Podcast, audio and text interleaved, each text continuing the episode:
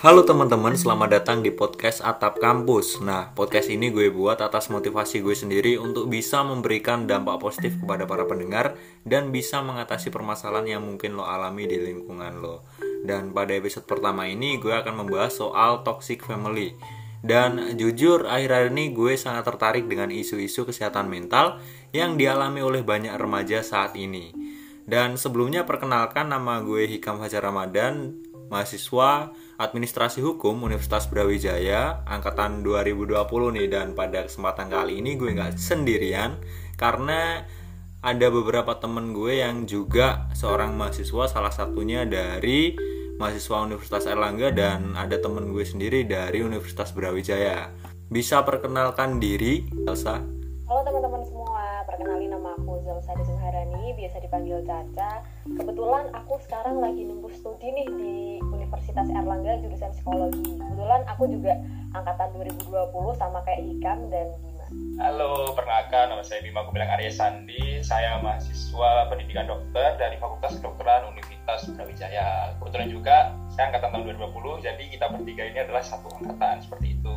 Nah, kan kalau angkatan tahun ini kan mesti biasanya disangkut pautkan dengan angkatan corona gitu dan kira-kira kesibukan kalian selama kegiatan kuliah online ini seperti apa gitu. Bima mungkin bisa bercerita soal kegiatan kuliahnya. Ah, oke, okay, baik. Ya seperti biasa sih, Kam. Karena jadi mahasiswa ya kuliah di rumah, bangun tidur, buka laptop, ikut Zoom, dengerin materi, lalu ada tugas ya kerjain. Terus ya paling paling kedokteran itu selesainya jam 3 sore lah ya. Jam 3 sore istirahat sebentar habis itu ngerjain tugas lagi. Toh kalau misalkan otak udah penat ya mungkin keluar sebentar cari udara segar tapi tetap mematuhi protokol kesehatan lah pastinya. Lalu pulang lagi dan ya kembali lagi mengerjakan tugas. Seperti mahasiswa biasanya lah. Cuman sih bedanya kan online gitu kan. Gak di kampus secara langsung tapi di rumah gitu ya. Jadi ngampus di kamar lah ya seperti itu sih mungkin yang bisa saya ceritakan cari kalau Zalsa nih melihat dari kesibukan Bima yang juga seorang mahasiswa seperti enjoy santuy gitu kayak nggak ada beban juga meskipun dia itu di fakultas kedokteran. Kalau Zalsa ini gimana sih? Oke kalau aku sendiri sih ya sama kayak kesibukan mahasiswa kuliah pada umumnya. Tapi kan tergantung gimana kita gitu ya buat nyikapin gimana kalau kita itu uh, kuliah kuliah tuh emang berat dan capek tapi berat sama capeknya tuh akan terbayar nanti kalau misalnya kita udah lulus. Kan kita juga nggak tahu ya ke depannya kita tuh mau kayak gimana dan mau jadi apa. Jadi kayak enjoy aja lakuin aja nikmati prosesnya proses kuliahannya juga. Terus kalau ditanyain aku sibuk apa sekarang ya ya sibuk kuliah juga sih ya banyak tugas. Tapi tidak apa-apa nikmati enjoy aja jangan dibawa stres dan tegang dan gak usah mikir kalau itu tuh berat banget. Nah jadi sepertinya teman-teman ini juga merasa bahwa kuliah online ini benar-benar sesuatu yang hal baru gitu adaptasi baru. Dan kalau gue ngucapin kata corona apa sih hal yang pertama kali ada di pikiran kalian? Mungkin banyak dari kalian yang akan memikirkan tentang sebuah virus yang bisa dibilang berbahaya. Bahkan udah merenggut 33.596 nyawa di Indonesia ketika podcast ini dibuat. Dan kita sekarang masih dalam keadaan kuliah online, work from home, dan masih banyak hal lainnya yang harus kita laksanakan secara daring. Misal kayak goals di tahun 2020 kemarin yang seharusnya udah bisa direalisasikan, beberapa harus pupus dikarenakan kita harus beradaptasi dengan kebiasaan baru gitu loh. Nah, hal itu menjadi sebuah permasalahan yang mungkin juga berdampak pada psikis atau kejiwaan kita. Dan kali ini gue mau bertanya kepada kalian berdua nih, kira-kira kalian berdua ngalamin hal tersebut gak sih? Ya, kalau ditanya sih ngalamin banget lah ya semenjak pandemi ini kan uh, kita di rumah terus ya. Terutama kalau misalnya dari aku pribadi sendiri tuh kayak pribadi nggak bisa kayak diem doang di rumah gitu loh. Terus kayak cari-cari kesibukan aja. Kalau di rumah itu kalau di rumah misal cuman kuliah terus tidur kuliah tidur tuh aku tuh kayak gak bisa deh tipe-tipe kayak gitu. Jadi tuh kayak aku tuh kayak explore gitu loh explore yang lain gitu. Kayak misal lagi bikin-bikin resep kue apa kalau kayak gitu ya workout di rumah kayak apa olahraga dari rumah gitu loh kayak bisa meringankan beban pikiran di otak ini kalau udah capek banget kuliah-kuliah gitu. Terus yang dirasain selama pandemi ini tuh kayaknya sebenarnya sih kayak social skill itu kayak menurun gitu loh. Cuman kan kita ambil dari sisi positifnya juga ya positifnya di corona ini kalau buat anak yang introvert tuh kayak wah tenang nih gue. Tapi kalau buat anak ekstrovert tuh kayak wah ini gak bisa nih gue kayak gini terus gitu kan. Tapi ya tergantung dari pribadi masing-masing gitu sih menyikapinya kayak gimana gitu. Nah sepertinya kalau dibilang terkait dengan kejiwaan dan juga psikis kita tuh pasti ngerasa tertekan banget gitu loh. Kan jadi kita nggak pernah tuh diajarin tentang zoom tentang jimit tiba-tiba kita harus bener-bener beradaptasi gitu. Kalau dari Bima sendiri gimana nih Bim nanggepin isu pandemi kayak gini dan kita harus bener-bener kerja di rumah, kemudian kuliah di rumah itu gimana, Bim? Oke, uh, sebelumnya tadi kita itu dianggap angkatan corona ya. Ya emang bener sih kan, emang angkatan corona, tapi uh, ini dipikir sisi positifnya kita angkatan corona kalau sebelumnya kan angkatan biasa jadi kita itu unik bro nggak angkatan bukan angkatan biasa jadi kita angkatan corona ini pasti akan jadi cerita di kala esok kita uh, mungkin sudah bekerja wah kita angkatan corona. Kita sudah kerja kita beda dari yang lain. Bukan berarti merendahkan angkatan lain tapi berpikir positif bahwa ya kita unik gitu. Terus uh, menanggapi pandemi, jujur saya itu orangnya ekstrovert ya, asli. Jadi kalau misalkan nih udah ya penat kuliah di rumah bosen udah bantu-bantu orang tua juga ya saya pasti keluar nikmati wisata alam apalagi di Banyuwangi sendiri kan banyak sekali wisata alam ya mungkin saya keliling-keliling apalagi bisa liburan kemarin. Kemarin tuh ya ke Alas Purwo ke, ke Ijen ke Bum menikmati masa-masa liburan. Tapi ya tetap jaga protokol kesehatan. Toh juga pariwisata di Banyuwangi juga menerapkan protokol kesehatan yang ketat kan. Jadi ya insya Allah aman. Seperti itulah mungkin yang bisa saya sampaikan. Tapi ya pokoknya menjaga kesehatan sih. Apalagi jangan sampai ini tersakit penyakit soalnya sistem imun tubuh kita di kala pandemi itu memang perlu dijaga untuk agar kita tidak terkena corona sih. Mungkin itu yang bisa saya sampaikan. Uh, jadi terkait dengan tindakan dari kalian berdua yang aku bisa simpulkan kalau kalian harus tetap bisa merefresh pikiran kalian gitu. Baik dari itu seorang yang introvert ataupun yang ekstrovert tapi kalau kalian bener-bener hanya seperti kuliah tidur kuliah tidur kayak pasti kalian punya beban mental tersendiri dan gue ngerasa kalau kalian itu harus bener-bener bisa merefresh otak kalian dengan cara itu tadi yang disampaikan oleh Bima yaitu kayak refreshing ke wisata alam ataupun ke tempat-tempat yang bisa membuat diri kita menjadi tenang. Namun ternyata bahwa di Indonesia sendiri masalahnya ada beberapa mahasiswa ataupun anak sekolah yang mereka itu terjebak di lingkungan keluarga yang toksik. Ciri-ciri yang pertama aku bisa sampaikan bahwa keluarga toksik adalah dikasih standar yang nggak realistis gitu maksudnya gimana jadi sebenarnya sudah sewajarnya bahwa masing-masing peran di keluarga itu berperan sesuai porsinya masing-masing. Nah, misal ayah itu tugasnya bekerja, ibu tugasnya untuk anak dan anak bantu bersihin rumah. Sebenarnya wajar dan normal banget pembagian tugas kayak gini. Ya wajar banget lah, tapi tugas-tugas kayak gini di keluarga sebaiknya nggak mengganggu waktu kita untuk melakukan hal yang sewajarnya. Misal, si anak adalah seorang mahasiswa, tentu kewajiban dan hak anak tersebut adalah kuliah, belajar ikut organisasi, tidur yang cukup dan lain sebagainya. Kalau misalnya standar yang diset oleh orang tua itu udah ngeganggu anak melakukan kewajiban yang lain sampai kita jadi melupakan hal yang sewajarnya kita lakukan, kayak misalnya belajar interaksi sosial dan sebagainya ini adalah salah satu gejala dari keluarga yang toksik terutama kalau standar yang dipasang sama orang tua itu maksa kita buat jadi orang yang nggak kita mau gitu. Misal ketika anak dipaksa untuk masuk ke jurusan atau pekerjaan tertentu ketika anak dipaksa memegang semua tanggung jawab jadi tanggung jawabnya dilimpahkan ke anak sampai si anak itu nggak bisa ngelakuin hal yang sewajarnya dilakukan dan standar-standar lain yang sekiranya ngebuat kita ngerasa hidup kita kepaksa gitu. Ini gejala yang pertama jadi kayak kalian itu dikasih standar yang nggak realistis gitu. Kira-kira jawaban dari teman-teman yang lainnya terkait dengan hal seperti ini itu gimana nih? Kalau kalian menganggap bahwa kira-kira seorang orang tua tiba-tiba ngasih standar yang nggak realistik ke kalian gitu sebagai orang tua sih seharusnya ya. Seharusnya dan sewajibnya itu memang mengerti lah keadaan anak. Kalau memang misal inginkan anak untuk uh, untuk sekolah di untuk tujuan yang tertentu contoh nih aku jujur aku adalah orang yang sangat suka fisika kan dulu di SMA lalu di saat perkuliahan orang tuaku intinya itu uh, bukan memaksa sih tapi lebih ke saran kan lebih ke saran untuk masuk ke dokteran Nah, sedangkan kedokteran sendiri kan lebih ke arah biologi kan, udah berbeda waktu sama fisika. Namun, kembali lagi kepada diriku, aku menganggap saran dari orang tua itu sebagai saran, bukan paksaan. Jadi dari sini bisa disimpulkan sih, tergantung uh, sifat dari anaknya. Mereka bisa menganggap bahwa itu saran atau paksaan, seperti itu kan. Dan kalau misal paksaan, seorang anak itu juga sebenarnya harus berani untuk bilang ke orang tua, ma, ya aku nggak bisa kuliah di sini, ini bukan passion aku. Sebenarnya ya itu harus berani sih. Terus kalau misalkan itu saran dan itu saran terbaik dari orang tua ya, kalau sebisa mungkin lakukan. Karena ya kalau orang tua menyarankan itu insya Allah pasti barokah kamu dan juga kalau misalkan orang tua tetap memaksa itu aku kurang setuju sih.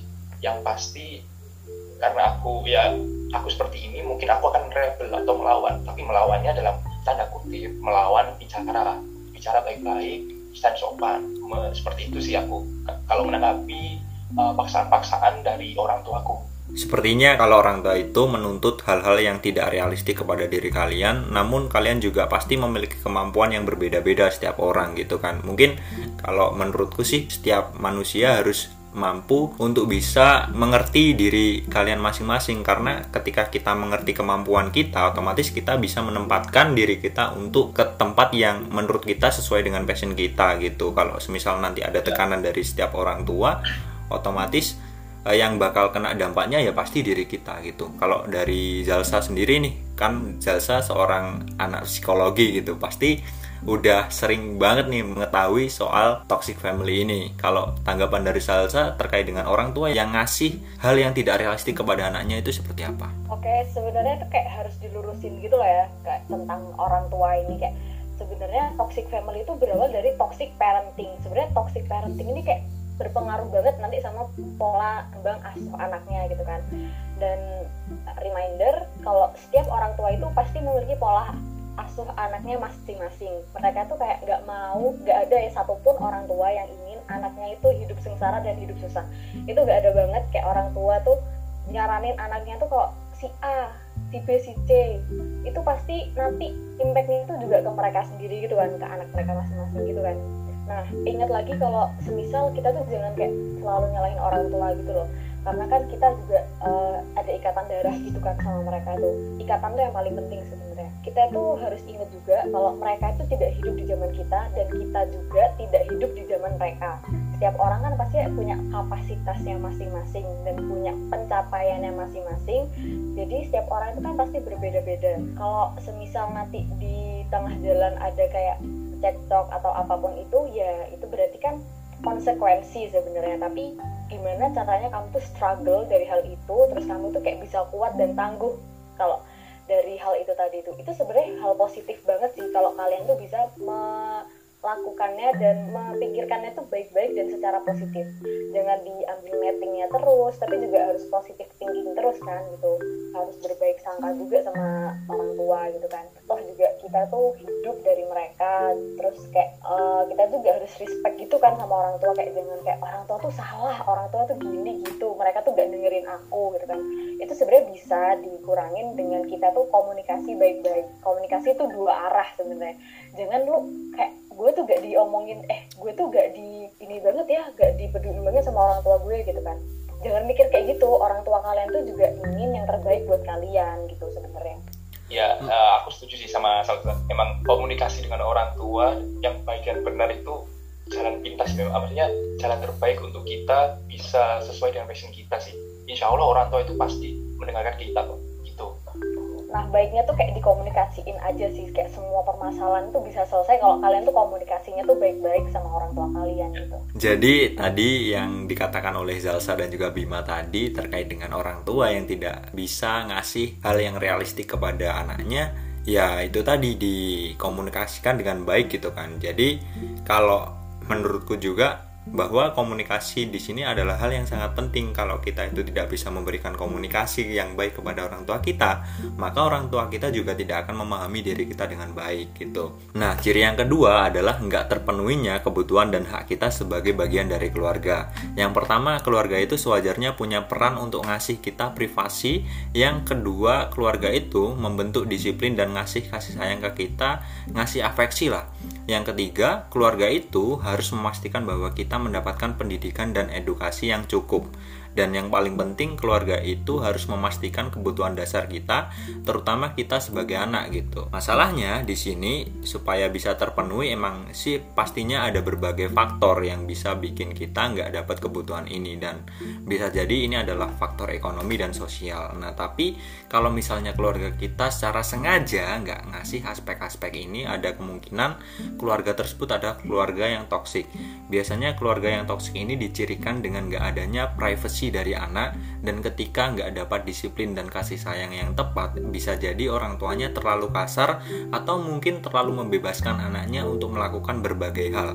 Atau orang tua juga bisa jadi nggak merhatiin anaknya sama sekali kalau dari salah satu teori psikologi nih. Mungkin dari Jalsa juga. Pastinya nanti akan menemukan teori-teori ini dan ini aku ambil dari teori di Google yaitu tentang attachment orang tua terhadap anak. Ada beberapa tipe jadi attachment setiap tipenya itu ada plus minusnya. Ada tipe secure anxious avoidant dismissive dan ada juga avoidant fearful dan kalian bisa cari di Google untuk baca masing-masing attachment style dan kalian bisa melihat kira-kira attachment style yang kalian cocok itu yang mana. Dan kalian bisa melihat plus minus dari itu yang pastinya nantinya akan berpengaruh kepada perkembangan psikologis kalian ini. Seperti itu. Mungkin kalau dari Zalsa atau dari Bima terkait dengan tidak adanya privacy ke anak itu kira-kira tanggapan kalian gimana? Dari Zalsa sendiri apakah pernah mengalami atau mungkin ada cerita sedikit cerita terkait dengan nggak adanya privasi dari orang tua ke anak seperti itu.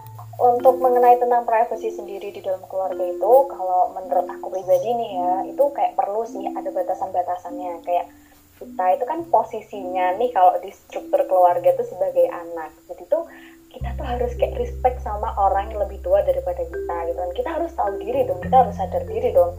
Kayak kita tuh perannya di sini tuh apa dan sesuai tupoksinya masing-masing sih sebenarnya dan keluarga itu kan unit masyarakat terkecil kan di dalam masyarakat itu.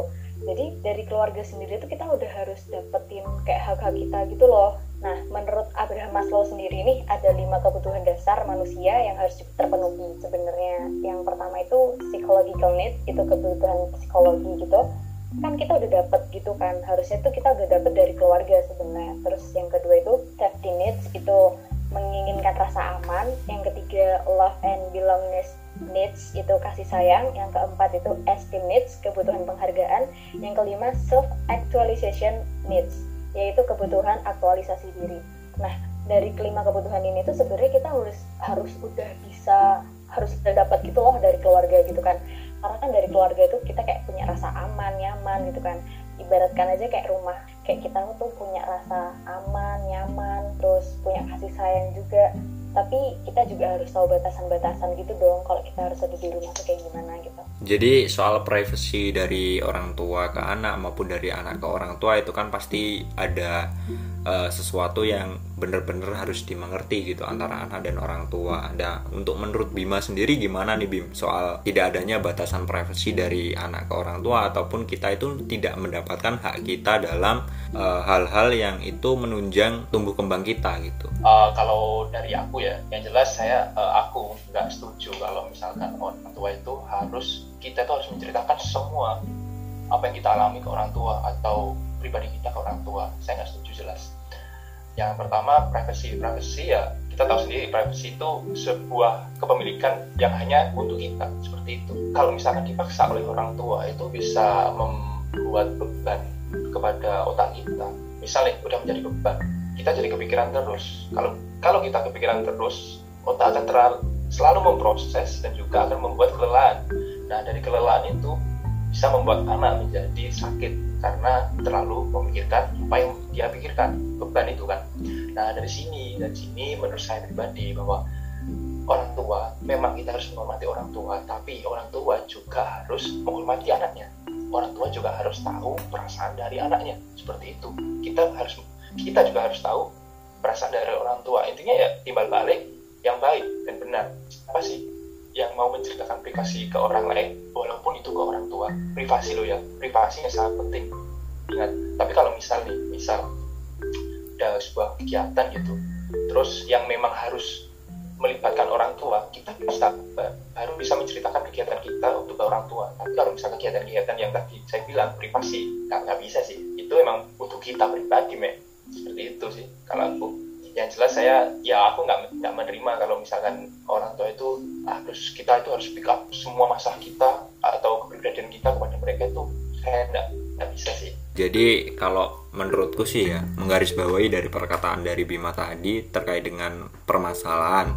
Kalau menurutku ya kita harus benar-benar bisa memberikan problem solving kepada diri kita. Kalau kita itu pengen cerita kepada orang tua terkait dengan masalah kita ya lebih baik ceritakan gitu. Karena siapa lagi yang benar-benar bisa dijadikan sebagai tumpuan dalam permasalahan kita dan solusi-solusi itu pasti datang lebih baik dari orang tua daripada teman kita sendiri gitu. Kadang orang tua itu bisa memberikan solusi yang lebih baik. Tapi kalau menurutku dengan permasalahan yang mungkin hanya untuk kita karena itu bisa dianggap privasi ya kalian bisa keep aja gitu kan maksudmu Bim? Ya maksudnya seperti itu kalau misalkan ya itu kalau misalkan ada ada ada cerita-cerita mungkin yang tidak mengganggu privasi kita ya kita memang harus cerita ke orang tua kan? Orang tua kalau tahu kan juga pasti kan nyaman lah intinya anaknya itu sering cerita. Tapi kalau sudah menusuk ke privasi kita bisa menjaganya sih nggak menceritakan lah intinya seperti itu sih. Uh, dari apa yang aku omongkan sebelumnya tadi. Oke jadi kalau kesimpulannya mungkin seperti itu dari teman-teman baik dari Zalsa dan juga dari Bima pasti memiliki pandangan sendiri-sendiri gitu. Nah, kemudian yang ketiga adalah kalian selalu dikritik dan disalah-salahin dengan cara yang nggak baik. Sebenarnya kan nggak masalah untuk mengkritik atau menyalahkan ketika emang beneran perilakunya perlu dikritik atau perilakunya salah. Tapi kritik itu alangkah baiknya lebih fokus ke perilaku dan disampaikan secara asertif tanpa menyakiti perasaan si anak. Jadinya nggak bikin anak jadi down gitu dan merasa nggak berguna setelah mereka dikritik.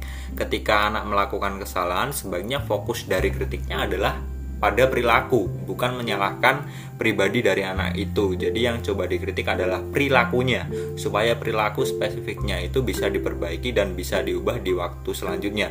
Kritik dan menyalahkan ini akan jadi masalah ketika kritik yang disampaikan malah membuat anak merasa nggak berguna, apalagi kalau kritiknya disampaikan dengan kata-kata yang kasar. Misal ada orang tua yang bilang bahwa anaknya dalam tanda kutip bodoh atau nggak berguna gitu. Sebenarnya kurang baik karena yang dikritik bukan perilakunya, tapi diberikan label kepada pribadi si anak bahwa dia kurang pintar atau nggak berguna. Lebih baik orang tua itu mengkritik perilaku anak yang spesifik. Misal ketika anak melakukan hal buruk, maka beritahu perilaku spesifiknya, perilaku apa yang buruk dan kenapa perilaku itu buruk dan kenapa harus diubah dibandingkan ketika orang tua mengatakan sifat-sifat buruk kepada anak. Kayak tadi ya, misal bodoh, tidak berguna dan sebagainya. Karena ini bisa jadi berpengaruh buruk kepada anak. Bukannya si anak jadi mengevaluasi diri dan berubah menjadi lebih baik, malah si anak jadi melabel negatif kepada dirinya sendiri gitu ya. Dan mungkin kalau dari Zalsa ataupun dari Bima sendiri kira-kira pernah gak sih ngalamin kayak orang tua kalian itu menjudge diri kalian secara tidak asertif gitu. Oke baik, ya ini aku cerita ya. Jadi aku pernah sempet di di olok orang tua.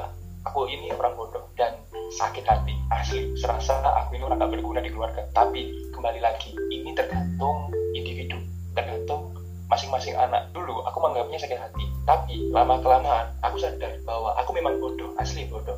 Nah dari kesadaran diri itu kita tuh harus bangkit men harus bangkit bagaimana caranya orang tua uh, nggak menganggap kita bodoh lagi jadi kita berkembang terus berkembang. Kita mengikuti kegiatan-kegiatan yang positif. Contohnya sih aku kan ikut olimpiade kan dulu olimpiade uh, sains gitu. Dulu aku kalah.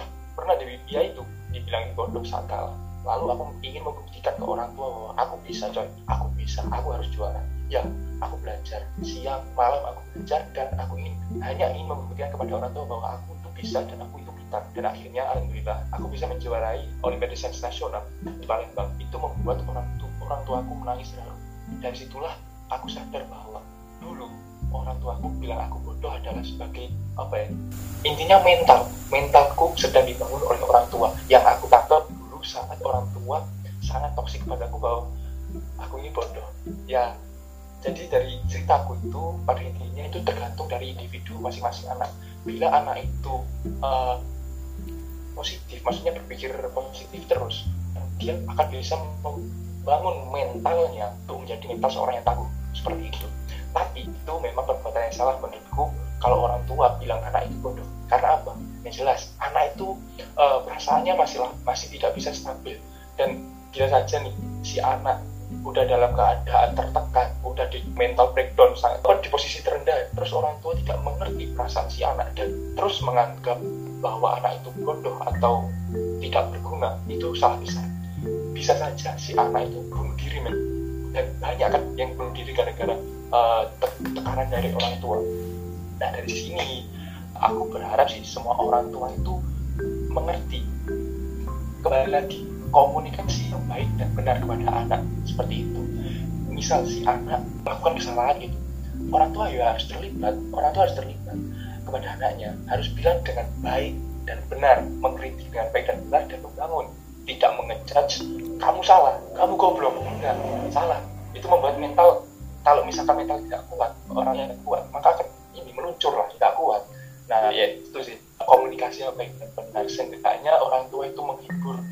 Bila anaknya kurang apa ya kurang aktif mungkin di keluarga atau mungkin ada masalah orang tua itu menghibur menghibur memberi uh, saran-saran yang positif untuk pikiran dia bukan malah mengejudge. Ya intinya komunikasi yang baik benar lah. Jadi kalau dari pengalaman Bima nih kan setiap orang kan pasti pemikirannya beda-beda. Jadi kayak ya. kayak kita itu kadang menerima omongan dari orang lain itu secara mentah-mentah dan tanpa disaring gitu. Dan kalau saran dari Bima buat kalian semua yang ngerasa ada di posisi itu ya buat aja omongan hal-hal terkait dengan apa yang menjudge diri kalian itu sebagai motivasi untuk kalian gitu. Dan terbukti bahwa kalau hal tersebut bisa kalian jadikan sebagai motivasi maka hasilnya juga akan baik untuk kalian gitu kan nah kemudian dari Zalsa sendiri nih untuk sudut pandang dari psikologi kira-kira gimana dengan terkait orang tua yang menjudge anaknya ataupun memberikan label kepada anaknya berupa hal-hal negatif seperti itu. Gimana nih? Oke, kalau menurut pandangan aku sendiri sih ya dari kasus ini tuh kayak uh, si orang tua tuh jarang mengapresiasi dan bahkan itu tidak menghargai dari hasil kerja keras si anak itu tadi, malah dikritik, dikomentar dan lain sebagainya. Sebenarnya kalau anak digituin itu sebenarnya mereka itu merasakan emosi yang terlalu dalam. Kalau kita merasakan emosi yang terlalu dalam itu memorinya pasti akan membekas dan memorinya itu akan kuat dan melekat gitu loh sebenarnya. Semisal contoh nih ada anak. Dia gak sengaja numpahin air di lantai mungkin uh, itu kayak butuh cuman waktu lima menit buat kamu bersihin tapi itu akan butuh lima tahun atau bahkan bertahun-tahun kalau kalian tuh marah membentak dan memarahi dia. Sebenarnya sih itu. Emang sih kayak setiap orang tua dan setiap anak itu memiliki cara pengekspresian rasa kasih sayang mereka itu caranya tuh kayak beda-beda gitu loh. Kayak kadang-kadang wah orang tua gue gak peka nih sama gue gitu kan.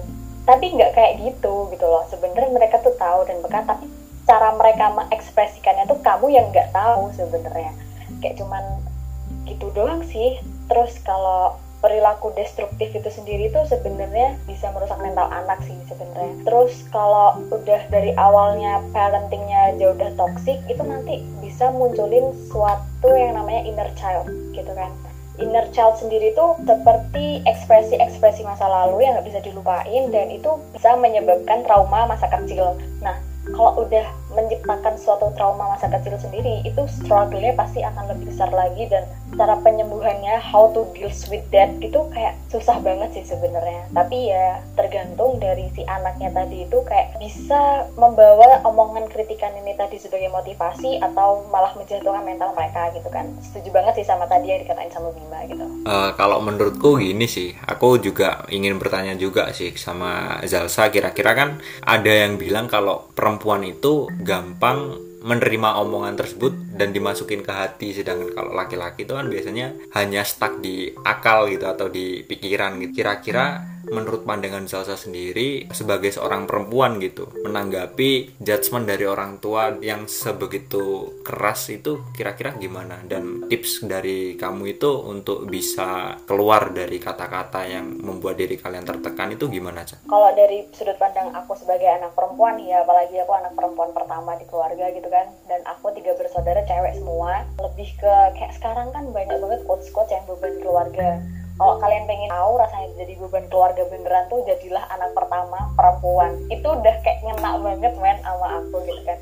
Uh, mungkin kalau kalian cowok-cowok itu kan nggak tahu sih ya aku kayak gimana gitu kan. Kalian itu kayak menyikapinya gimana tapi kalau aku pribadi itu kayak wah itu ngena banget gitu loh. Tapi banyak sih yang kayak perempuan kan kayak diremehin gitu ya. Tapi menurut aku insecure atau apa pun itu komentar negatif itu pasti ada. Dan kapan pun pasti ada aja orang yang bilang kayak gitu kan. Tapi how to deal with that gitu. Cara perempuan sendiri itu sebenarnya beda-beda sih. Kalau dari aku pribadi tuh aku ya tipe orang yang bodoh amat. Ya udah lo mau ngapain gue apa kayak terserah lo gitu kan. Yang penting itu improve yourself gitu loh. Di better version from you gitu. Kayak lo tuh tunjukin kayak better version dari diri lo tuh apa gitu kan. Kayak lo tuh berani speak up gitu loh. Kayak lo buktiin ke orang-orang yang pernah ngejudge lo kayak ini gue tuh ada men di sini. Kayak lo tuh salah ngejudge gue kayak gitu.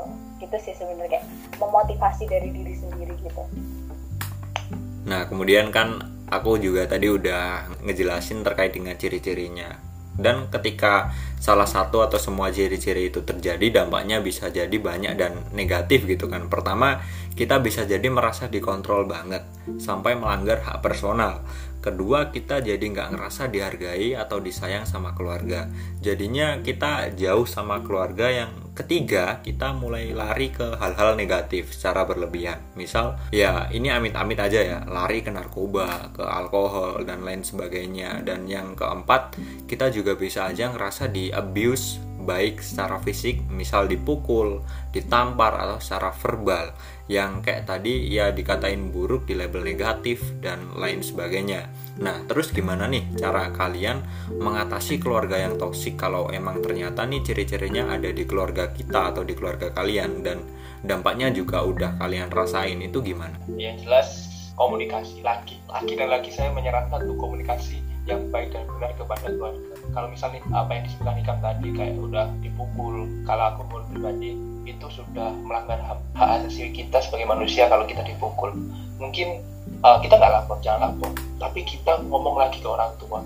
Kalau ini kemungkinan terburuk ya. Ya mungkin kalau kita misalkan udah sangat terancam kalau karena sudah di ini pukul lawan tapi bukan melawan dalam artian kita melawan orang tua mungkin ya mungkin kita tangkap aja lah itu pukulan. Udah itu aja sih. Aman kalau misalkan udah di judge memang di judge kayak dikam dan maksudnya kayak judge sangat mental breaking banget buktikan bahwa kita sebagai anak bisa memutar balikan fakta apa yang dikatakan orang tua dulu.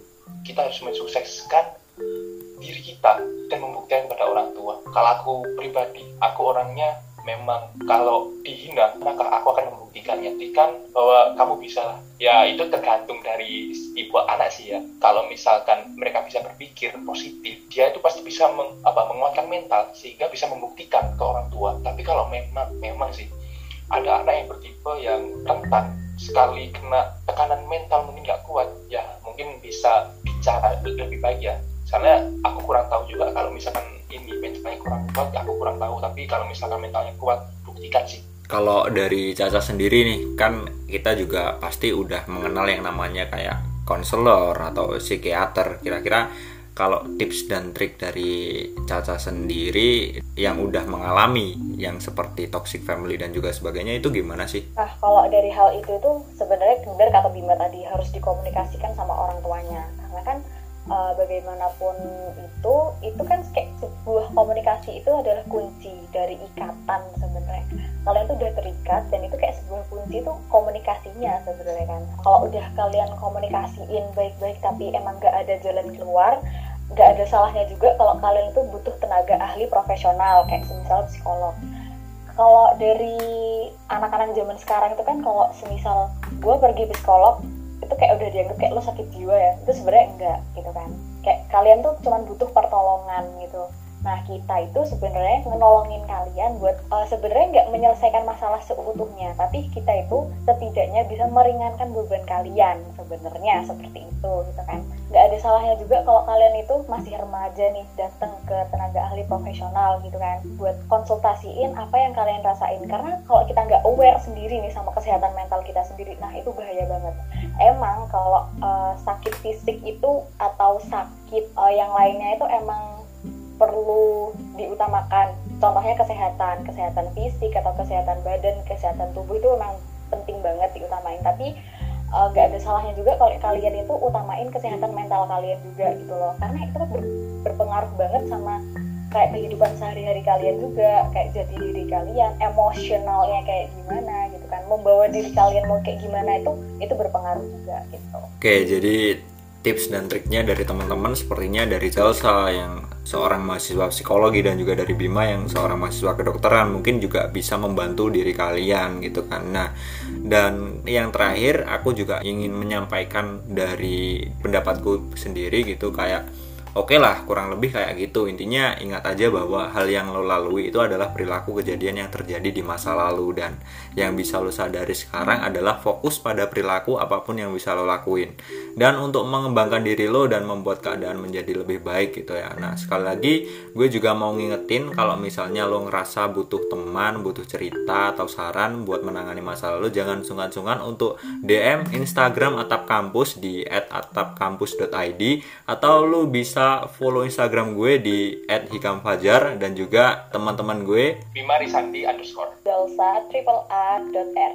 Nah buat kalian untuk saran atau juga ingin menyampaikan kritik kepada dua narasumber yang udah hadir pada podcast di episode pertama ini kalian juga bisa menghubungi Instagram mereka atau juga bisa di follow lah dikit-dikit agar juga nantinya bisa saling mengetahui dan juga ngasih feedback yang bagus gitu. Dan akhir kata sebelum gue menutup aku akan memberikan kesempatan kepada Zalsa dan juga Bima untuk sedikit memberikan quotes kepada para pendengar. Kalau quotes dari aku sendiri nih ya dari uh, percakapan panjang kita tadi toxic family.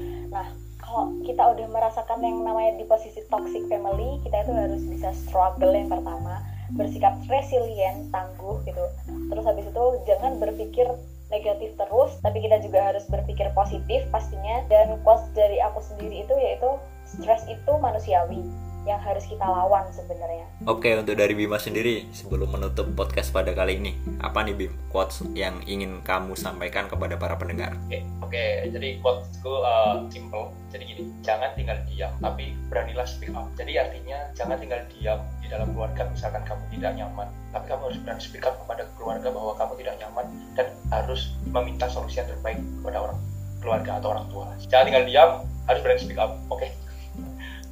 Oke, itu tadi ada sedikit vitamin semangat dari teman-teman narasumber, terutama aku sangat-sangat berterima kasih kepada Zalsa dan juga Bima karena sudah hadir dalam episode pertama podcast Hatap Kampus ini dan akhir kata berharap semoga podcast ini bisa membuat lo menjadi orang yang lebih baik. See you on the next episode. Dadah. Bye bye.